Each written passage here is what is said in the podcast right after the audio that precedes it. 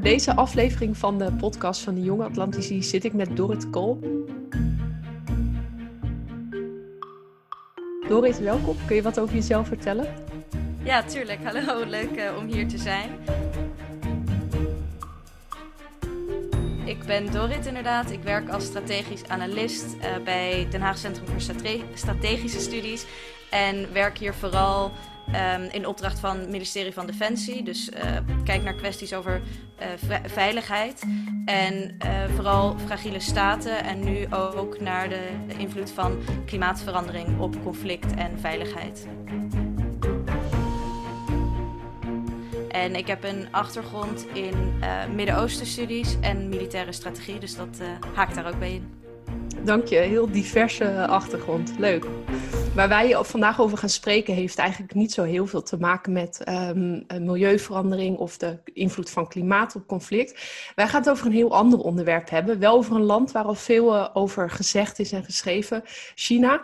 Uh, we gaan het niet specifiek over China, handel of de VS hebben, maar over China en Afrika. Want hoe zijn wij op dit onderwerp gekomen, ben ik zo over na aan denken. Ja, dat is een goede vraag eigenlijk. Uh, ik denk gewoon in gesprek zijn we erover uh, over begonnen en een beetje kijkend naar wat is de, de invloed van China en wat, is, uh, wat zijn de veranderende dynamieken van peacekeeping in specifiek. En ja, zo zijn we eigenlijk een beetje op dit onderwerp gekomen. Mm. Een heel relevant onderwerp, denk ik, maar ook een onderwerp waar niet heel veel mensen wat van weten. Ben jij veel in je, bezig met dit onderwerp in je werk? Um, ja, uh, deels. Ik ben wel bezig geweest ook met uh, fragiele staten. Dus ik heb onderzoek gedaan over de veiligheidssector in fragiele staten en uh, wat ja, de verschillende soorten eigenlijk veiligheidssectors. En wanneer het wel of niet een goed idee is om te interveneren. En hebben niet specifiek gekeken naar wat voor soort interventies, maar meer, inform ja, meer informatief van hoe kunnen veiligheidssectors eruit zien. En in, ja, wat, is, wat, in, wat is de invloed eigenlijk van onze bijdragen en wanneer leveren wel, kunnen we wel bijdragen aan stabiliteit en wanneer niet. Uh, dus dat haakt hier een beetje bij in, want peacekeeping dat is natuurlijk ook vaak in uh, fragiele staten of conflictgevoelige staten. Um, dus in, ja, in die zin wel. -hmm. Want als we het dan hebben over China en peacekeeping, hè, hoe, hoe ziet dat eruit dan? Als jij een heel kort een inleiding mag geven. Ja, tuurlijk. Uh, misschien eerst een beetje een, een, meer algemene inleiding over wat is peacekeeping eigenlijk en wat is, ja, wat is, het, doel, wat is het doel daarvan. Um, en peacekeeping zijn missies die vooral worden uitgevoerd door de VN om te helpen uh, of ja, het, van het uh, vrede en veiligheid te herstellen, of in sommige gevallen ook te brengen, uh, in conflictgebieden. En soms in gevallen is het ook vaak dat het helpt bij de moeilijke overgang tussen conflict en vrede. En dat is vaak een langdurige, complexe fase. Mm -hmm. en het wordt, het wordt vooral uh, geleid door drie basisprincipes. En dat zijn toestemming van partijen, onpartijdigheid en geen gebruik van geweld. En dat is wel steeds uh, aan het veranderen, omdat ook de ja, conflictdynamieken steeds complexer worden. Maar misschien gaan we daar later nog wat verder op in. Ja, want als we aan peacekeeping missies denken, hè, dan denk ik dat heel veel mensen uh, in hun achterhoofd het Midden-Oosten hebben, Irak, Afghanistan. Uh, we hebben natuurlijk, uh, nou ja, er zijn verschillende peacekeeping missies geweest. Maar als jij een overzicht geeft, wat, wat zijn de belangrijkste van die missies, die peacekeeping missies? Een aantal voorbeelden misschien? Ja, dat is een, een uh, goede vraag. Ik weet niet of ik kan zeggen welke het belangrijkste zijn, maar je hebt, ja, je hebt ontzettend veel uh, peacekeeping missies en ook verschillende soorten in de zin van hoeveel uh, troepen er, er zijn in, in voor, hoe, voor ja, wat voor periode van tijd ze daar zijn en ook wat voor mandaat ze hebben. Mm -hmm. maar je kan bijvoorbeeld denken aan Mali of Zuid-Sudan. Dat zijn, ja, daar zijn grote peacekeeping missies ook van de VN. Ja, maar jij zegt dus dat China op dit moment bezig is met peacekeeping missies in Afrika. Klopt. En uh, wat interessant is, en daar kan ik uh, even wat verder op ingaan, is hoe eigenlijk de Chinese veiligheidsstrategie, en met name als we kijken naar peacekeeping, hoe dat is veranderd in de afgelopen zeg 10, 20 jaar. En wat ja, hoe je deze verandering eigenlijk kan duiden. Uh, als je kijkt naar bijvoorbeeld 1990, toen leverde China slechts een totaal van ongeveer vijf personeelsleden aan dit soort vredesoperaties. Terwijl vandaag is China een van de top 10 landen die de meeste troepen levert, met zo'n ongeveer 2.500. Ehm, en daarnaast is China ook een van de landen die het meest financieel bijdraagt aan VN-vredesmissies met ongeveer 15% van het totale budget. Um, Amerika die is nog wel het meest, uh, die draagt nog wel het meeste bij als je kijkt uh, naar de financiële kant met ongeveer 28% van het totale budget. Um, maar in tegenstelling tot China is de VS staat heel laag in um, het aantal troepen wat hij levert op plek ongeveer 78, dacht ik, met ja, zeg 33, 35 um, personeelsleden. Dus daar zit een heel groot verschil in. Uh, en dat is eigenlijk, ik, ja, ik denk dat dat het begin was van um, onze interesse in dit onderwerp, mm -hmm. dat dat verschil zo groot is. Um, en ja, hoe ik, het, hoe ik het nu zie, als je een beetje verder gaat analyseren, hoe zien uh, China's peacekeeping missies eruit en hoe is dat over de tijd veranderd, kan je het eigenlijk verdelen in vijf fases. Um, en dat begon toen, de, toen China lid werd van de VN in 1980. Uh, destijds, dat noemen we dan de eerste fase, uh, verzette China zich juist heel erg tegen dit soort vredesmissies. En noemden het ook een soort van neocoloniale oefening vanuit de, de VS en destijds de Sovjet-Unie.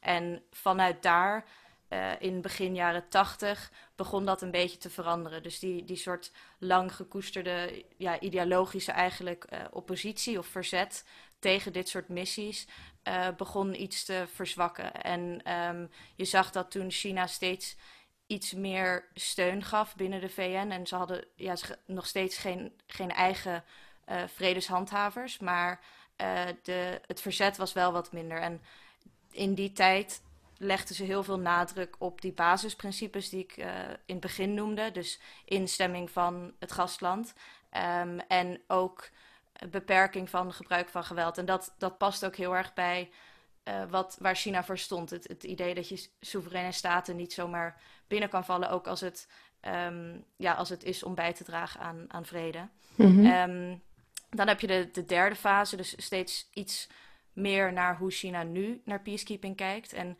in deze fase begon in 1990 ongeveer tot eind jaren 90 uh, begon China ook echt civiel en militair personeel in te zetten voor dit soort missies.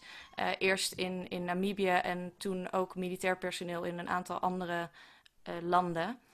En nog steeds hield China zich wel heel sterk vast aan die basisprincipes om ja, toch eigenlijk niet te ver af te wijken van hoe zij er eerst in stonden. Want het is natuurlijk, ja, hypocriet is niet het goede woord, maar het komt natuurlijk in politieke zin niet goed over als je altijd de VS uh, ja, in negatief daglicht zet, omdat ze dit soort missies uitvoeren en dan vervolgens zelf daar ook aan gaat bijdragen. Uh, dus die nadruk die was heel sterk.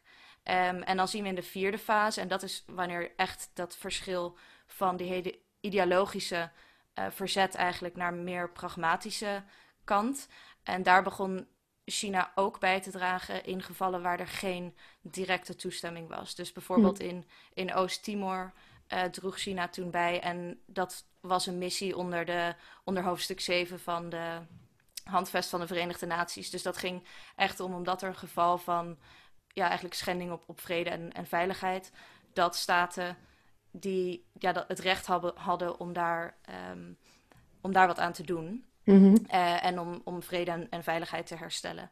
En dan de laatste fase, en dat is eigenlijk waar we nu nog steeds in zitten. Dat begon in 2004 ongeveer. En je hebt een hele, ja, ik kan dat nu helaas niet uh, laten zien. Maar je hebt van Brookings, die hebben een, uh, en ook wel meerdere instituten, die hebben een interessant grafiek. En dan zie je ook van af ongeveer 2004 echt een, groot, um, een grote stijging in het aantal troepen die China levert aan dit soort peace missies. En dat is de fase waar we nog steeds nu in zitten. En eigenlijk zie je dat het niet alleen maar uh, dat China niet alleen maar meer troepen levert, maar dat ze ook een steeds grotere rol willen spelen in binnen de VN. Um, als je kijkt bijvoorbeeld in 2007 um, had een, werd een Chinese generaal uh, benoemd tot commandant van, van de missie in westelijke Sahara. En later ook in 2015, toen kondigde de president aan dat ze een ja, wat noemen ze, dat noemen ze een, een standby force van ongeveer 8000. Dus dat is echt, dat is echt een groot aantal. Mm -hmm. um, Chine Chinese personeelsleden zou bijdragen voor ja, een soort uh, troepen die snel ingezet kunnen worden in geval van ehm, crisis. Ja. Dus ja, zo zie je dat het niet alleen maar veranderde van ideologisch naar pragmatisch, maar ook dat het probeert binnen de VN een steeds grotere rol te spelen in, ja, in, in dat soort peacekeeping missies op allerlei niveaus. Ja, dus je ziet eigenlijk, hè, ook als je kijkt naar economisch perspectief, uh, wereldpolitiek, maar ook dus militaire operaties, dat China steeds meer op de voorgrond treedt, zowel financieel als wat ze inzetten qua mensen en materieel. Uh, hoe zou je deze verandering duiden? Het is ook wel interessant omdat veel mensen die kijken naar hoe passen eigenlijk deze Chinese militaire strategie of deze uh, peacekeeping strategie, hoe past dat bij de Belt and Road Initiative? Dus waar mensen het nu vaak over hebben, is de nieuwe, nieuwe zijderoute. Mhm. En dat peacekeeping eigenlijk daar ook binnenvalt. En um, dat is zeker waar. Uh, je, kan, je, je ziet dat het ook te maken heeft met deze, ja, deze Belt and Road Initiative. En dat het ook een poging is om economische investeringen in het buitenland en dan met name natuurlijk in Afrika uh, zowel te waarborgen, te verbinden en, en ook te beschermen. Um, maar het is ook, het, is, het heeft meerdere zijden, dus het is een stuk complexer. Ik zal beginnen met waarom dat op zich wel een, een ja, legitieme uh, reden is of een, een uitleg. Mhm. um, als je kijkt tussen 2012 en 2018, toen droeg China bij aan uh, vredeshandhavingsmissies in ongeveer 13 landen. En van deze 13 landen waren 9 landen waar China ook aanzienlijk economische en financiële uh, investeringen had. Tot zeg drie jaar voordat ze arriveerden. arriveerden. Um, maar tegelijkertijd zou je, dan zou je denken, dus als, als dat, dat, dat is waar, en dan zou je denken dat als um, China dit puur doet voor economische redenen, dat als um, ze meer financiële investeringen hebben, dat ze dan ook meer troepen uh, zouden leveren. Maar dat schijnt niet het geval te zijn, omdat in ongeveer 80% van de gevallen uh, levert China troepen aan de hand van VN-verzoeken. Dus dan loopt het parallel met dat soort verzoeken en niet parallel met financiële investeringen. Um, wat wel ook een andere interessante financiële factor is, is dat het een markt biedt voor Chinese technologieën. Je ziet nu al dat ze in vredesmissies um, allerlei technologieën, bijvoorbeeld uh, toegangscontrole technologieën of bewakingsradars of uh, communicatienetwerken zelf, en, en zelfs ook licht uh, gepantserd transport gebruiken in missies. Dus dat zijn, dat zijn Chinese middelen die dan gebruikt worden. Um, en kan, is, kan, je dat dan ja? zien als een soort testfase hè, van die middelen, van die technologie? Ja, dat ze dat precies. testen? Ja, dus het, het, wat ik ook um, nog wilde toelichten is dat je hebt dus die financiële redenen. Uh, maar dat is niet genoeg om uit te leggen waarom dit voor China interessant is. Um, en dat is vooral omdat de VN uiteindelijk nog steeds besluit waar missies plaats zullen vinden. Dat is niet zomaar iets wat, wat China kan bepalen. Um, dus er zijn ook ja, zogeheten soft reasons. Of ik zou ik, ja, in Nederlands misschien zachte redenen, maar dat is ja, ja. Niet, uh, niet, ja, niet de goede vertaling. Um, maar en, en dat heeft daar ook mee te maken. Dus bijvoorbeeld het, een, een soort van poging om diplomatiek vertrouwen te creëren. Beide met, met partners, maar ook in, in de gastlanden. En om een, als een soort van ver, ja, ver, verantwoordelijke en betrouwbare macht zichzelf op die manier neer te zetten. Uh, een soort atypische grootmacht. En dat zie je in peacekeeping missions en, en de reden waarom China bijdraagt. En dat zie je ook in, bredere zin in hoe China, politiek uh, opereert om die soort van ja, Chinese dreiging eigenlijk tegen te gaan, of de perceptie daarvan. En ja, een positief beeld te creëren. En daarnaast, en dan kom ik terug op wat jij net noemde, is het, ja, opereert uh, Afrika eigenlijk ook als een soort, ja, je kan het noemen een soort laboratorium voor um, China's toekomstige rol. Want China heeft niet een geschiedenis in interveneren in andere landen. En dat komt omdat dat, die hele Chinese strategie daar juist, uh, op, er juist op ingaat dat andere landen dat wel doen, maar dat uh, China de soevereiniteit van staten heel erg respecteert. En dat is echt een kern van hoe zij zichzelf positioneren. Um, en nu is er een soort ja, evaluerend beleid eigenlijk, wat heet Military Operations Other Than War. En voor dit soort operaties is Afrika en peacekeeping eigenlijk een perfecte ja, speeltuin om te kijken hoe hoe je als wereldmacht kan optreden en dat soort instrumenten kan gebruiken zonder dat je de soevereiniteit van staten hoeft te schenden of dat je, um, dat je wereldmachten uitdaagt. Dus in die zin is het, is het zeker een manier voor China om, ja, om zichzelf te positioneren en ook om niet alleen middelen, maar ook um, tactieken te, te oefenen. Hm. En te kijken van hoe, hoe, hoe kunnen we opereren in, in operaties die niet directe militaire operaties zijn. Uh, en die link is natuurlijk niet direct, maar het biedt wel goede mogelijkheden voor, voor China. Dus ook in militair strategisch opzicht is het eigenlijk een soort oefenplaats, zeg jij? Ja, ja precies. En, um, en wat daar ook interessant bij is, is dat het niet alleen het oefenen, maar het is ook een manier om China's informatiepositie te versterken en om inlichtingen te verzamelen. Niet alleen over gastlanden, maar ook over andere partners. Omdat mhm. VN-missies die worden uitgevoerd door meerdere landen samen. Uh, en dat kunnen ook westerse, dus Amerikaanse of Franse zijn. Je, het is wel interessant als je kijkt naar um, Franse missie in Mali. Dat ze best wel terughoudend waren om uh, Chinees, en ik geloof dat dit Mali was hoor, maar in ieder geval de Fransen, die waren best wel terughoudend in het samenwerken met uh, Chinese troepen. En die troepen ook op hun terrein toelaten, omdat ze ja, uit een soort van angst dat ze dan informatie zouden kunnen verzamelen en dat ze dat zouden kunnen lekken. Uh, en het vertrouwen en het samenwerken tussen partners is natuurlijk een kern van, van dit soort peacekeeping operaties. Dus dat, ja, dat creëert een soort van spanning. Um, maar landen die hebben niet. Die kunnen ook niet zeggen van nee, we willen niet met China meewerken, omdat ze wel die peacekeeping missies door willen laten gaan. Dus er zit een hele interessante ja, spanning tussen eigenlijk. Van gaan we peacekeeping missies niet door laten gaan, omdat we het niet willen dat China dat soort en oefenterrein heeft en dat ze inlichtingen kunnen verzamelen. Um, maar tegelijkertijd willen we wel dit soort missies door laten gaan. Dus ja, hoe ga je daarmee om? Als je kijkt wat de implicaties zijn van deze, deze peacekeeping activiteiten uh, voor Afrika specifiek, wat, wat zijn dat? Ja, dat is uh, interessant en belangrijk ook om naar te kijken. Omdat we natuurlijk vaak kijken naar wat betekent het voor ons.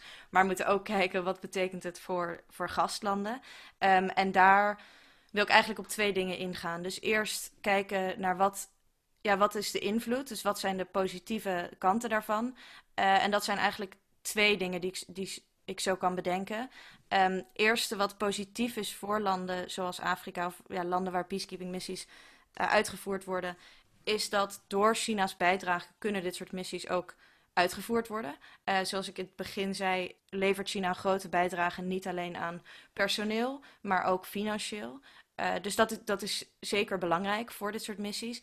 Um, en het tweede, en dit is, klinkt niet heel logisch, uh, omdat het vaak negatief wordt gezien, maar China kan ook druk uitoefenen door gebruik van, van economisch en politieke invloed op staten zoals je zag bijvoorbeeld in Zuid-Sudan, waar China voor het eerst eigenlijk experimenteerde met dit, een, een soort diepe, diepere betrokkenheid met de staat. En dat ze door gebruik van hun invloed, dus economische en politieke invloed, staat eigenlijk konden overtuigen om uh, eh, VN-vredeshandhavers in Darfur, dus dit is in 2008, al een tijd geleden, uh, te laten opereren. En zonder uh, dat soort Chinese invloed zou een, peace een peacekeeping missie minder snel ingezet worden. En dat is vooral omdat een van die basisprincipes, dus toestemming van uh, de staat, nog steeds heel belangrijk is. En dat is ook politiek gezien zijn wij minder geneigd om peacekeeping missies en ook andere missies uit te voeren als dat tegen de soevereiniteit eigenlijk is van een staat. Um, dus in, in die zin kan China zeker positieve bijdrage leveren. En het is ook belangrijk om daar naar te kijken, omdat als we het hebben over China, dan hebben we het bijna altijd over uh, de negatieve kant ervan. Um, maar tegelijkertijd zijn er ook wel negatieve aspecten mogelijk. En de reden waarom ik zeg mogelijk is omdat veel van die aspecten nog niet echt nu uh, zichtbaar zijn. Maar dat zijn wel aspecten die gedurende de tijd, als China steeds meer invloed heeft, kunnen ontwikkelen. Uh, en daarmee bedoel ik bijvoorbeeld hoe peacekeeping wordt uitgevoerd. Tot nu toe heeft de VN en VN mandaat eigenlijk van peacekeeping missies die bepaalt hoe dat soort missies worden uitgevoerd.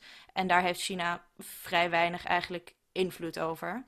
Maar dat kan wel gaan veranderen als China steeds hogere posities heeft, bijvoorbeeld binnen de VN. En je ziet dat al wel ontwikkelen in, als we kijken naar mensenrechten kwesties. Uh, dus dat er een opzettelijke moeite wordt gedaan, het belang van mensenrechten en de uh, aspecten die met mensenrechten te maken hebben, om die eigenlijk te verzwakken binnen dat soort missies. Uh, en dat is natuurlijk heel zorgwekkend, omdat vaak zijn peacekeeping missies al vrij complex en gebeuren er vaak al dingen die niet helemaal, uh, of soms helemaal niet, geaccepteerd worden. En dat kan steeds een groter probleem worden als China dit soort ja, mensenrechten kwesties gaat onderdrukken. Bijvoorbeeld, en daarmee bedoel ik bijvoorbeeld mensen die controle hebben over hoe missies worden uitgevoerd. En soms zetten ze ook, of eigenlijk altijd zetten ze ook mensen in die specifiek getraind zijn om uh, zich bezig te houden met, met mensenrechten uh, kwesties. Uh, dus dat, dat is een belangrijk iets. Wat ik daarnaast nog kan zeggen erover, is dat als we kijken naar westers concept van vredesmissies, dat is vooral gericht op niet alleen economische ontwikkeling, maar ook op waarde gebaseerd, dus westerse waarde gebaseerde uh, goed bestuur. En China die heeft daar een andere visie op, die kijkt meer naar uh, resultaatgericht bestuur. En dat soort bestuur, dat zijn, dat zijn dus landen die bijvoorbeeld wel stabiel zijn en economische, economisch ontwikkelen, maar die bijvoorbeeld autoritair van aard zijn. Dat is niet iets wat westerse landen willen stimuleren. Dus dat hele concept van hoe vrede en vredes, ja, wederopbouw of vredesmissies uh, worden uitgevoerd, zit ook al een spanning tussen China en het Westen. Um, daarnaast nog één uh, punt, en dat gaat over conflictdynamieken. Het is heel moeilijk om neutraal te blijven. En tot nu toe legt China best wel veel nadruk op dat ze neutraal zijn en dat ze ook niet inmengen met hoe een staat um, van binnenuit opereert. Dus ze leggen geen. Ze, ze eisen geen, uh, bepaald, niet een bepaald standaard van hoe een staat opereert om vervolgens samen te werken. Wat andere landen zoals Amerika wel vaak. Bijvoorbeeld in um, Irak en Afghanistan, dat je daar een democratisch stelsel neer wil zetten. Die wens heeft China dus niet. Nee, precies. Die heeft, wens heeft China niet. En ja, om neutraal te blijven voor China, dat zal in toenemende mate steeds moeilijker worden. Uh, en nu gaat, die, gaat, China heel voorzichtig om met die soort politiek van interventionisme en wat dat betekent. En probeert dat ook te vermijden. Om zichzelf in tegenstelling tot Amerika neer te zetten als een soort neutrale partij. Maar ik, naarmate conflict ingewikkelder wordt, wordt het ook steeds lastiger om dit soort opvattingen te, te weerleggen. En om China echt daadwerkelijk als een neutrale partij um, neer te kunnen zetten in, in conflicten. Hm. En als je dan kijkt, hè, even teruggrijpend op wat je net uitlegde van China, die heeft daar niet de, de, het idee om daar een, een democratisch stelsel neer te zetten. Kun je dus zeggen dat als je kijkt naar Afrika over 15, 20 jaar, dat met deze peacekeeping missies, dat er ook een, een politieke shift misschien gezien wordt, meer richting een, uh, een politiek systeem zoals we dat in China kennen?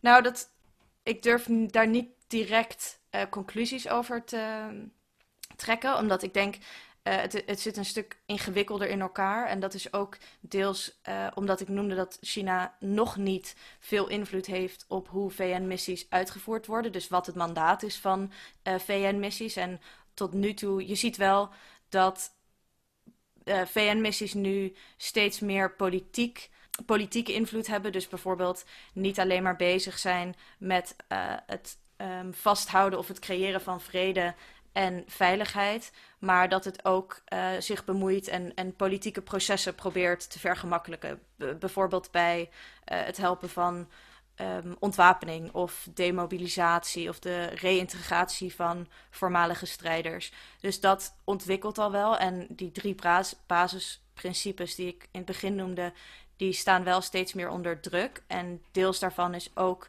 uh, omdat vaak zijn peacekeeping missies in gebieden waar eigenlijk nog conflict heerst. Dus dat hele idee van alleen gebruik van geweld in uh, geval van zelfverdediging is eigenlijk ook al verbreed dat uh, geweld kan worden gebruikt als het in verdediging is van een bepaald mandaat. Maar dat zijn hele langzame ontwikkelingen. En ik zou nog niet durven zeggen dat China door peacekeeping een in, via de VN een invloed heeft op hoe staten opereren. Maar tegelijkertijd kan je wel zien dat door de invloed die China um, in toenemende mate heeft op de cultuur in Afrikaanse landen. Uh, en dat doen ze buiten VN, buiten VN peacekeeping missies, dus door het bouwen van bijvoorbeeld Confucius-instituten. Ik geloof dat er nu ongeveer 46 in Afrika al gebouwd zijn. Um, maar peacekeeping missies die voeden dat wel natuurlijk. Omdat je dan individuele peacekeepers, en dat zijn er zoals ik noemde 2500, uh, die kunnen ook invloed uiten en ook met de lokale bevolking over China spreken en uh, een positief beeld van China schetsen. Uh, en dat kan dan weer invloed uiten op hoe die, ja, hoe die mensen eigenlijk denken over China. Maar of dat dan ook invloed heeft op de staat en hoe die opereert, dat is niet zo direct te, te, te kunnen. Ja, dat kan je niet zo direct trekken eigenlijk. Oké, en als we kijken naar de, de implicaties, hè, want we, we hebben het gehad over de implicaties van, eh, voor Afrika en voor Afrikaanse landen waar China actief is met haar peacekeeping activiteiten. Ik bedoel, de, um, er zijn ook grote implicaties, denk ik, voor de NAVO en de, de stabiliteit van het bondgenootschap. Ja, precies. Ja, en um, daarbij kan je zien dat vredesmissies niet een directe dreiging vormen eigenlijk voor de NAVO. Maar het is natuurlijk wel een onderdeel van China's steeds groeiende, ja, de, de, toenemende invloed van China in het algemeen. En dan in het specifiek de invloed van China uh, in Afrika. En dat vormt dan wel weer een dreiging voor de NAVO. Wat, je, wat een interessante ontwikkeling hier ook in is, is dat de NAVO steeds meer gericht is op een soort mondiale aanpak. Dus um, omdat ze kijken ook naar hoe China invloed uit in bijvoorbeeld het Noordpoolgebied of in cyberspace en hoe dat ook invloed heeft op uh, het bondgenootschap, wordt deze aanpak in, ja, steeds meer ge gestimuleerd door uh, bondgenoten. Uh, maar er zit nog wel een conflict in, omdat sommige bondgenoten niet willen dat de NAVO een soort mondiale aanpak neemt uh, en accepteren niet dat China een directe militaire dreiging uh, vormt in, in Afrika. Het heeft meerdere kanten en het is, het is ook een, een complexe vraag, omdat het niet zo direct te linken is. Maar de toenemende invloed van China, dat heeft natuurlijk wel een invloed op waar wij nog invloed kunnen uiten. Um, en als wij bijvoorbeeld bij peacekeeping missions China steeds meer macht geven, dan verliezen wij ook steeds meer macht. Dus dat, dat is zeker wel een spanning die, die invloed heeft. En dat zal je waarschijnlijk ook binnen de, binnen de Verenigde Naties zien, deze spanning. Ja, klopt. En wat ik nog daarbij um, aan toe wil voegen is dat wat het ook interessant maakt, is dat omdat China steeds meer invloed heeft in Afrika, Um, nou, niet omdat eigenlijk, maar China heeft steeds meer invloed in Afrika en Amerika steeds minder.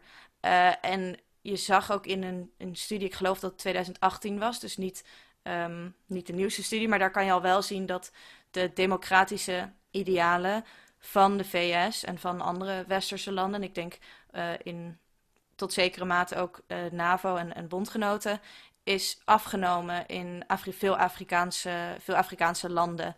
Uh, en ook als je vergelijkt van hoe de Chinese president wordt gezien en hoe president Trump werd gezien of wordt gezien, um, zit daar groot verschil tussen. En is er eigenlijk veel meer steun voor China dan voor Amerika.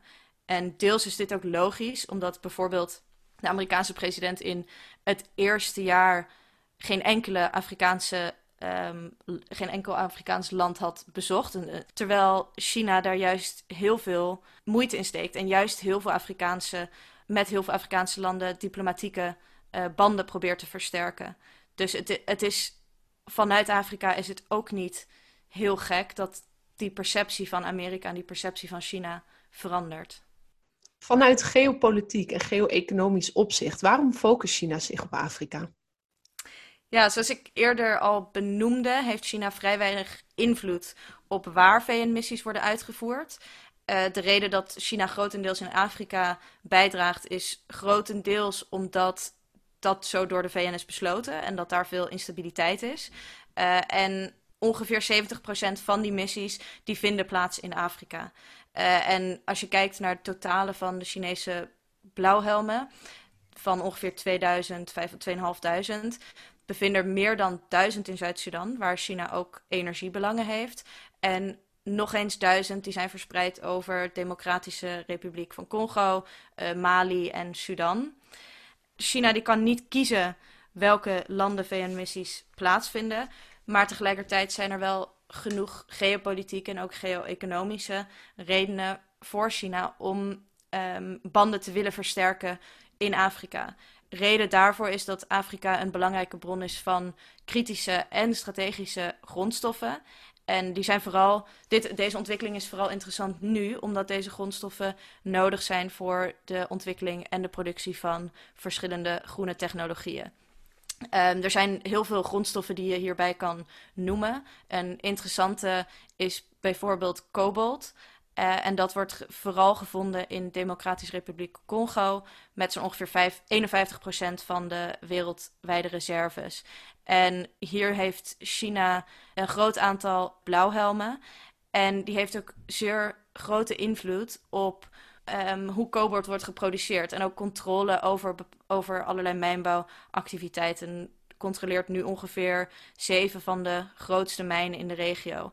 En hoe meer wij wereldwijd wij bezig zijn met het ontwikkelen van groene technologieën, zijn dit soort grondstoffen uh, heel belangrijk voor verschillende landen. Dus niet alleen voor China, maar ook voor ons in het Westen.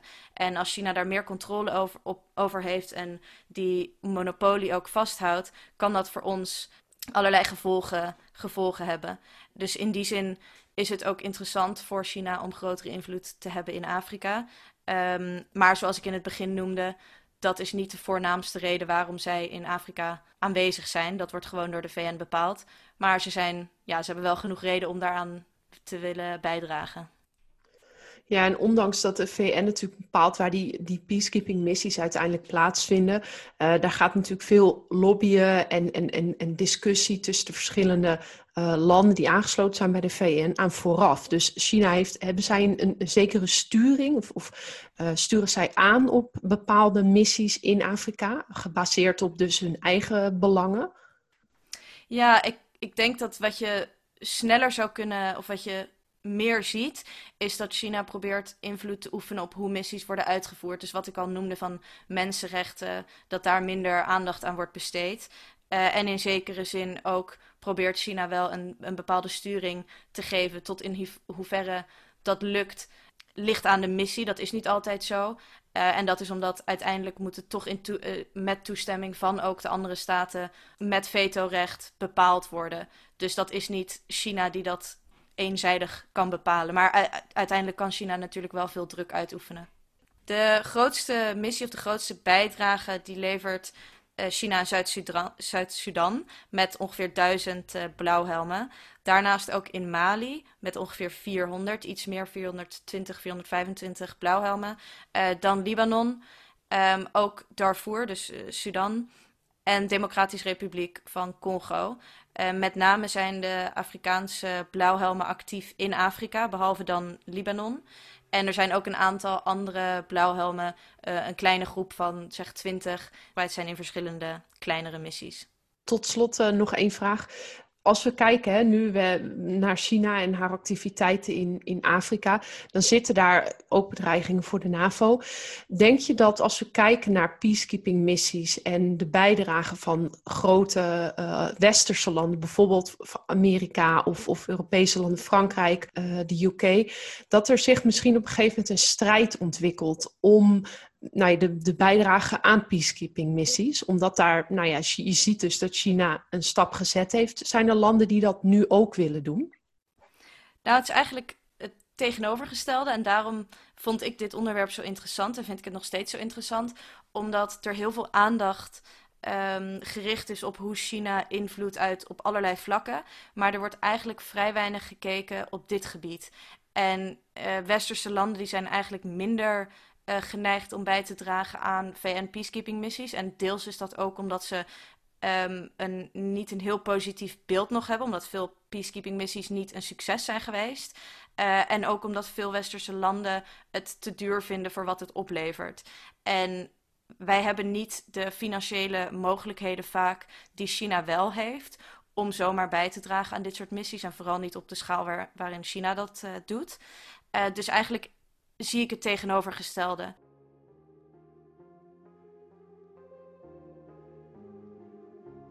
We willen China natuurlijk niet op alle gebieden alleen maar neerzetten als een soort grote boze wolf die, die alles, uh, die overal macht over probeert te krijgen. Maar het is wel belangrijk om bewust te zijn van hoe dit soort missies de invloed van China in Afrika kan versterken.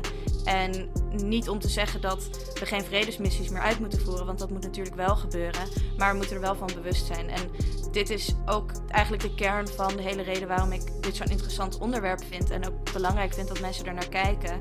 Omdat het een spanning met zich meebrengt. Dus willen we uh, China's invloed verminderen in Afrika, dan zou je zeggen minder peacekeeping missies, of in ieder geval minder Chinese bijdragen en een soort van quota tussen uh, landen en wat ze kunnen bijdragen. Maar dat is, klopt natuurlijk ook niet met de westerse waarden en dat we wel vrede en stabiliteit willen brengen in andere landen. En om de Chinese invloed terug te trekken, maar daarmee ook peacekeeping missies, dat is niet iets wat we gaan doen en ook niet iets wat ik denk dat we moeten doen. Uh, dus die spanning en wat de oplossing daarvoor is, weet ik ook niet. Maar ik denk wel dat het belangrijk is om er in ieder geval over na te denken en, en bewust van te zijn. Ik denk een hele mooie afsluiting van deze podcast. Ik wil jou heel erg bedanken voor je verhaal, Dorit. Um, en uh, je heel veel succes wensen bij verder onderzoek, onder andere ook naar de gevolgen van klimaatverandering. Ja, super, dankjewel. Ik vond het heel leuk uh, om je te spreken. En nou ja, wij zullen hier vast en zeker nog uh, met elkaar over spreken. Absoluut, leuk, dankjewel. Dankjewel.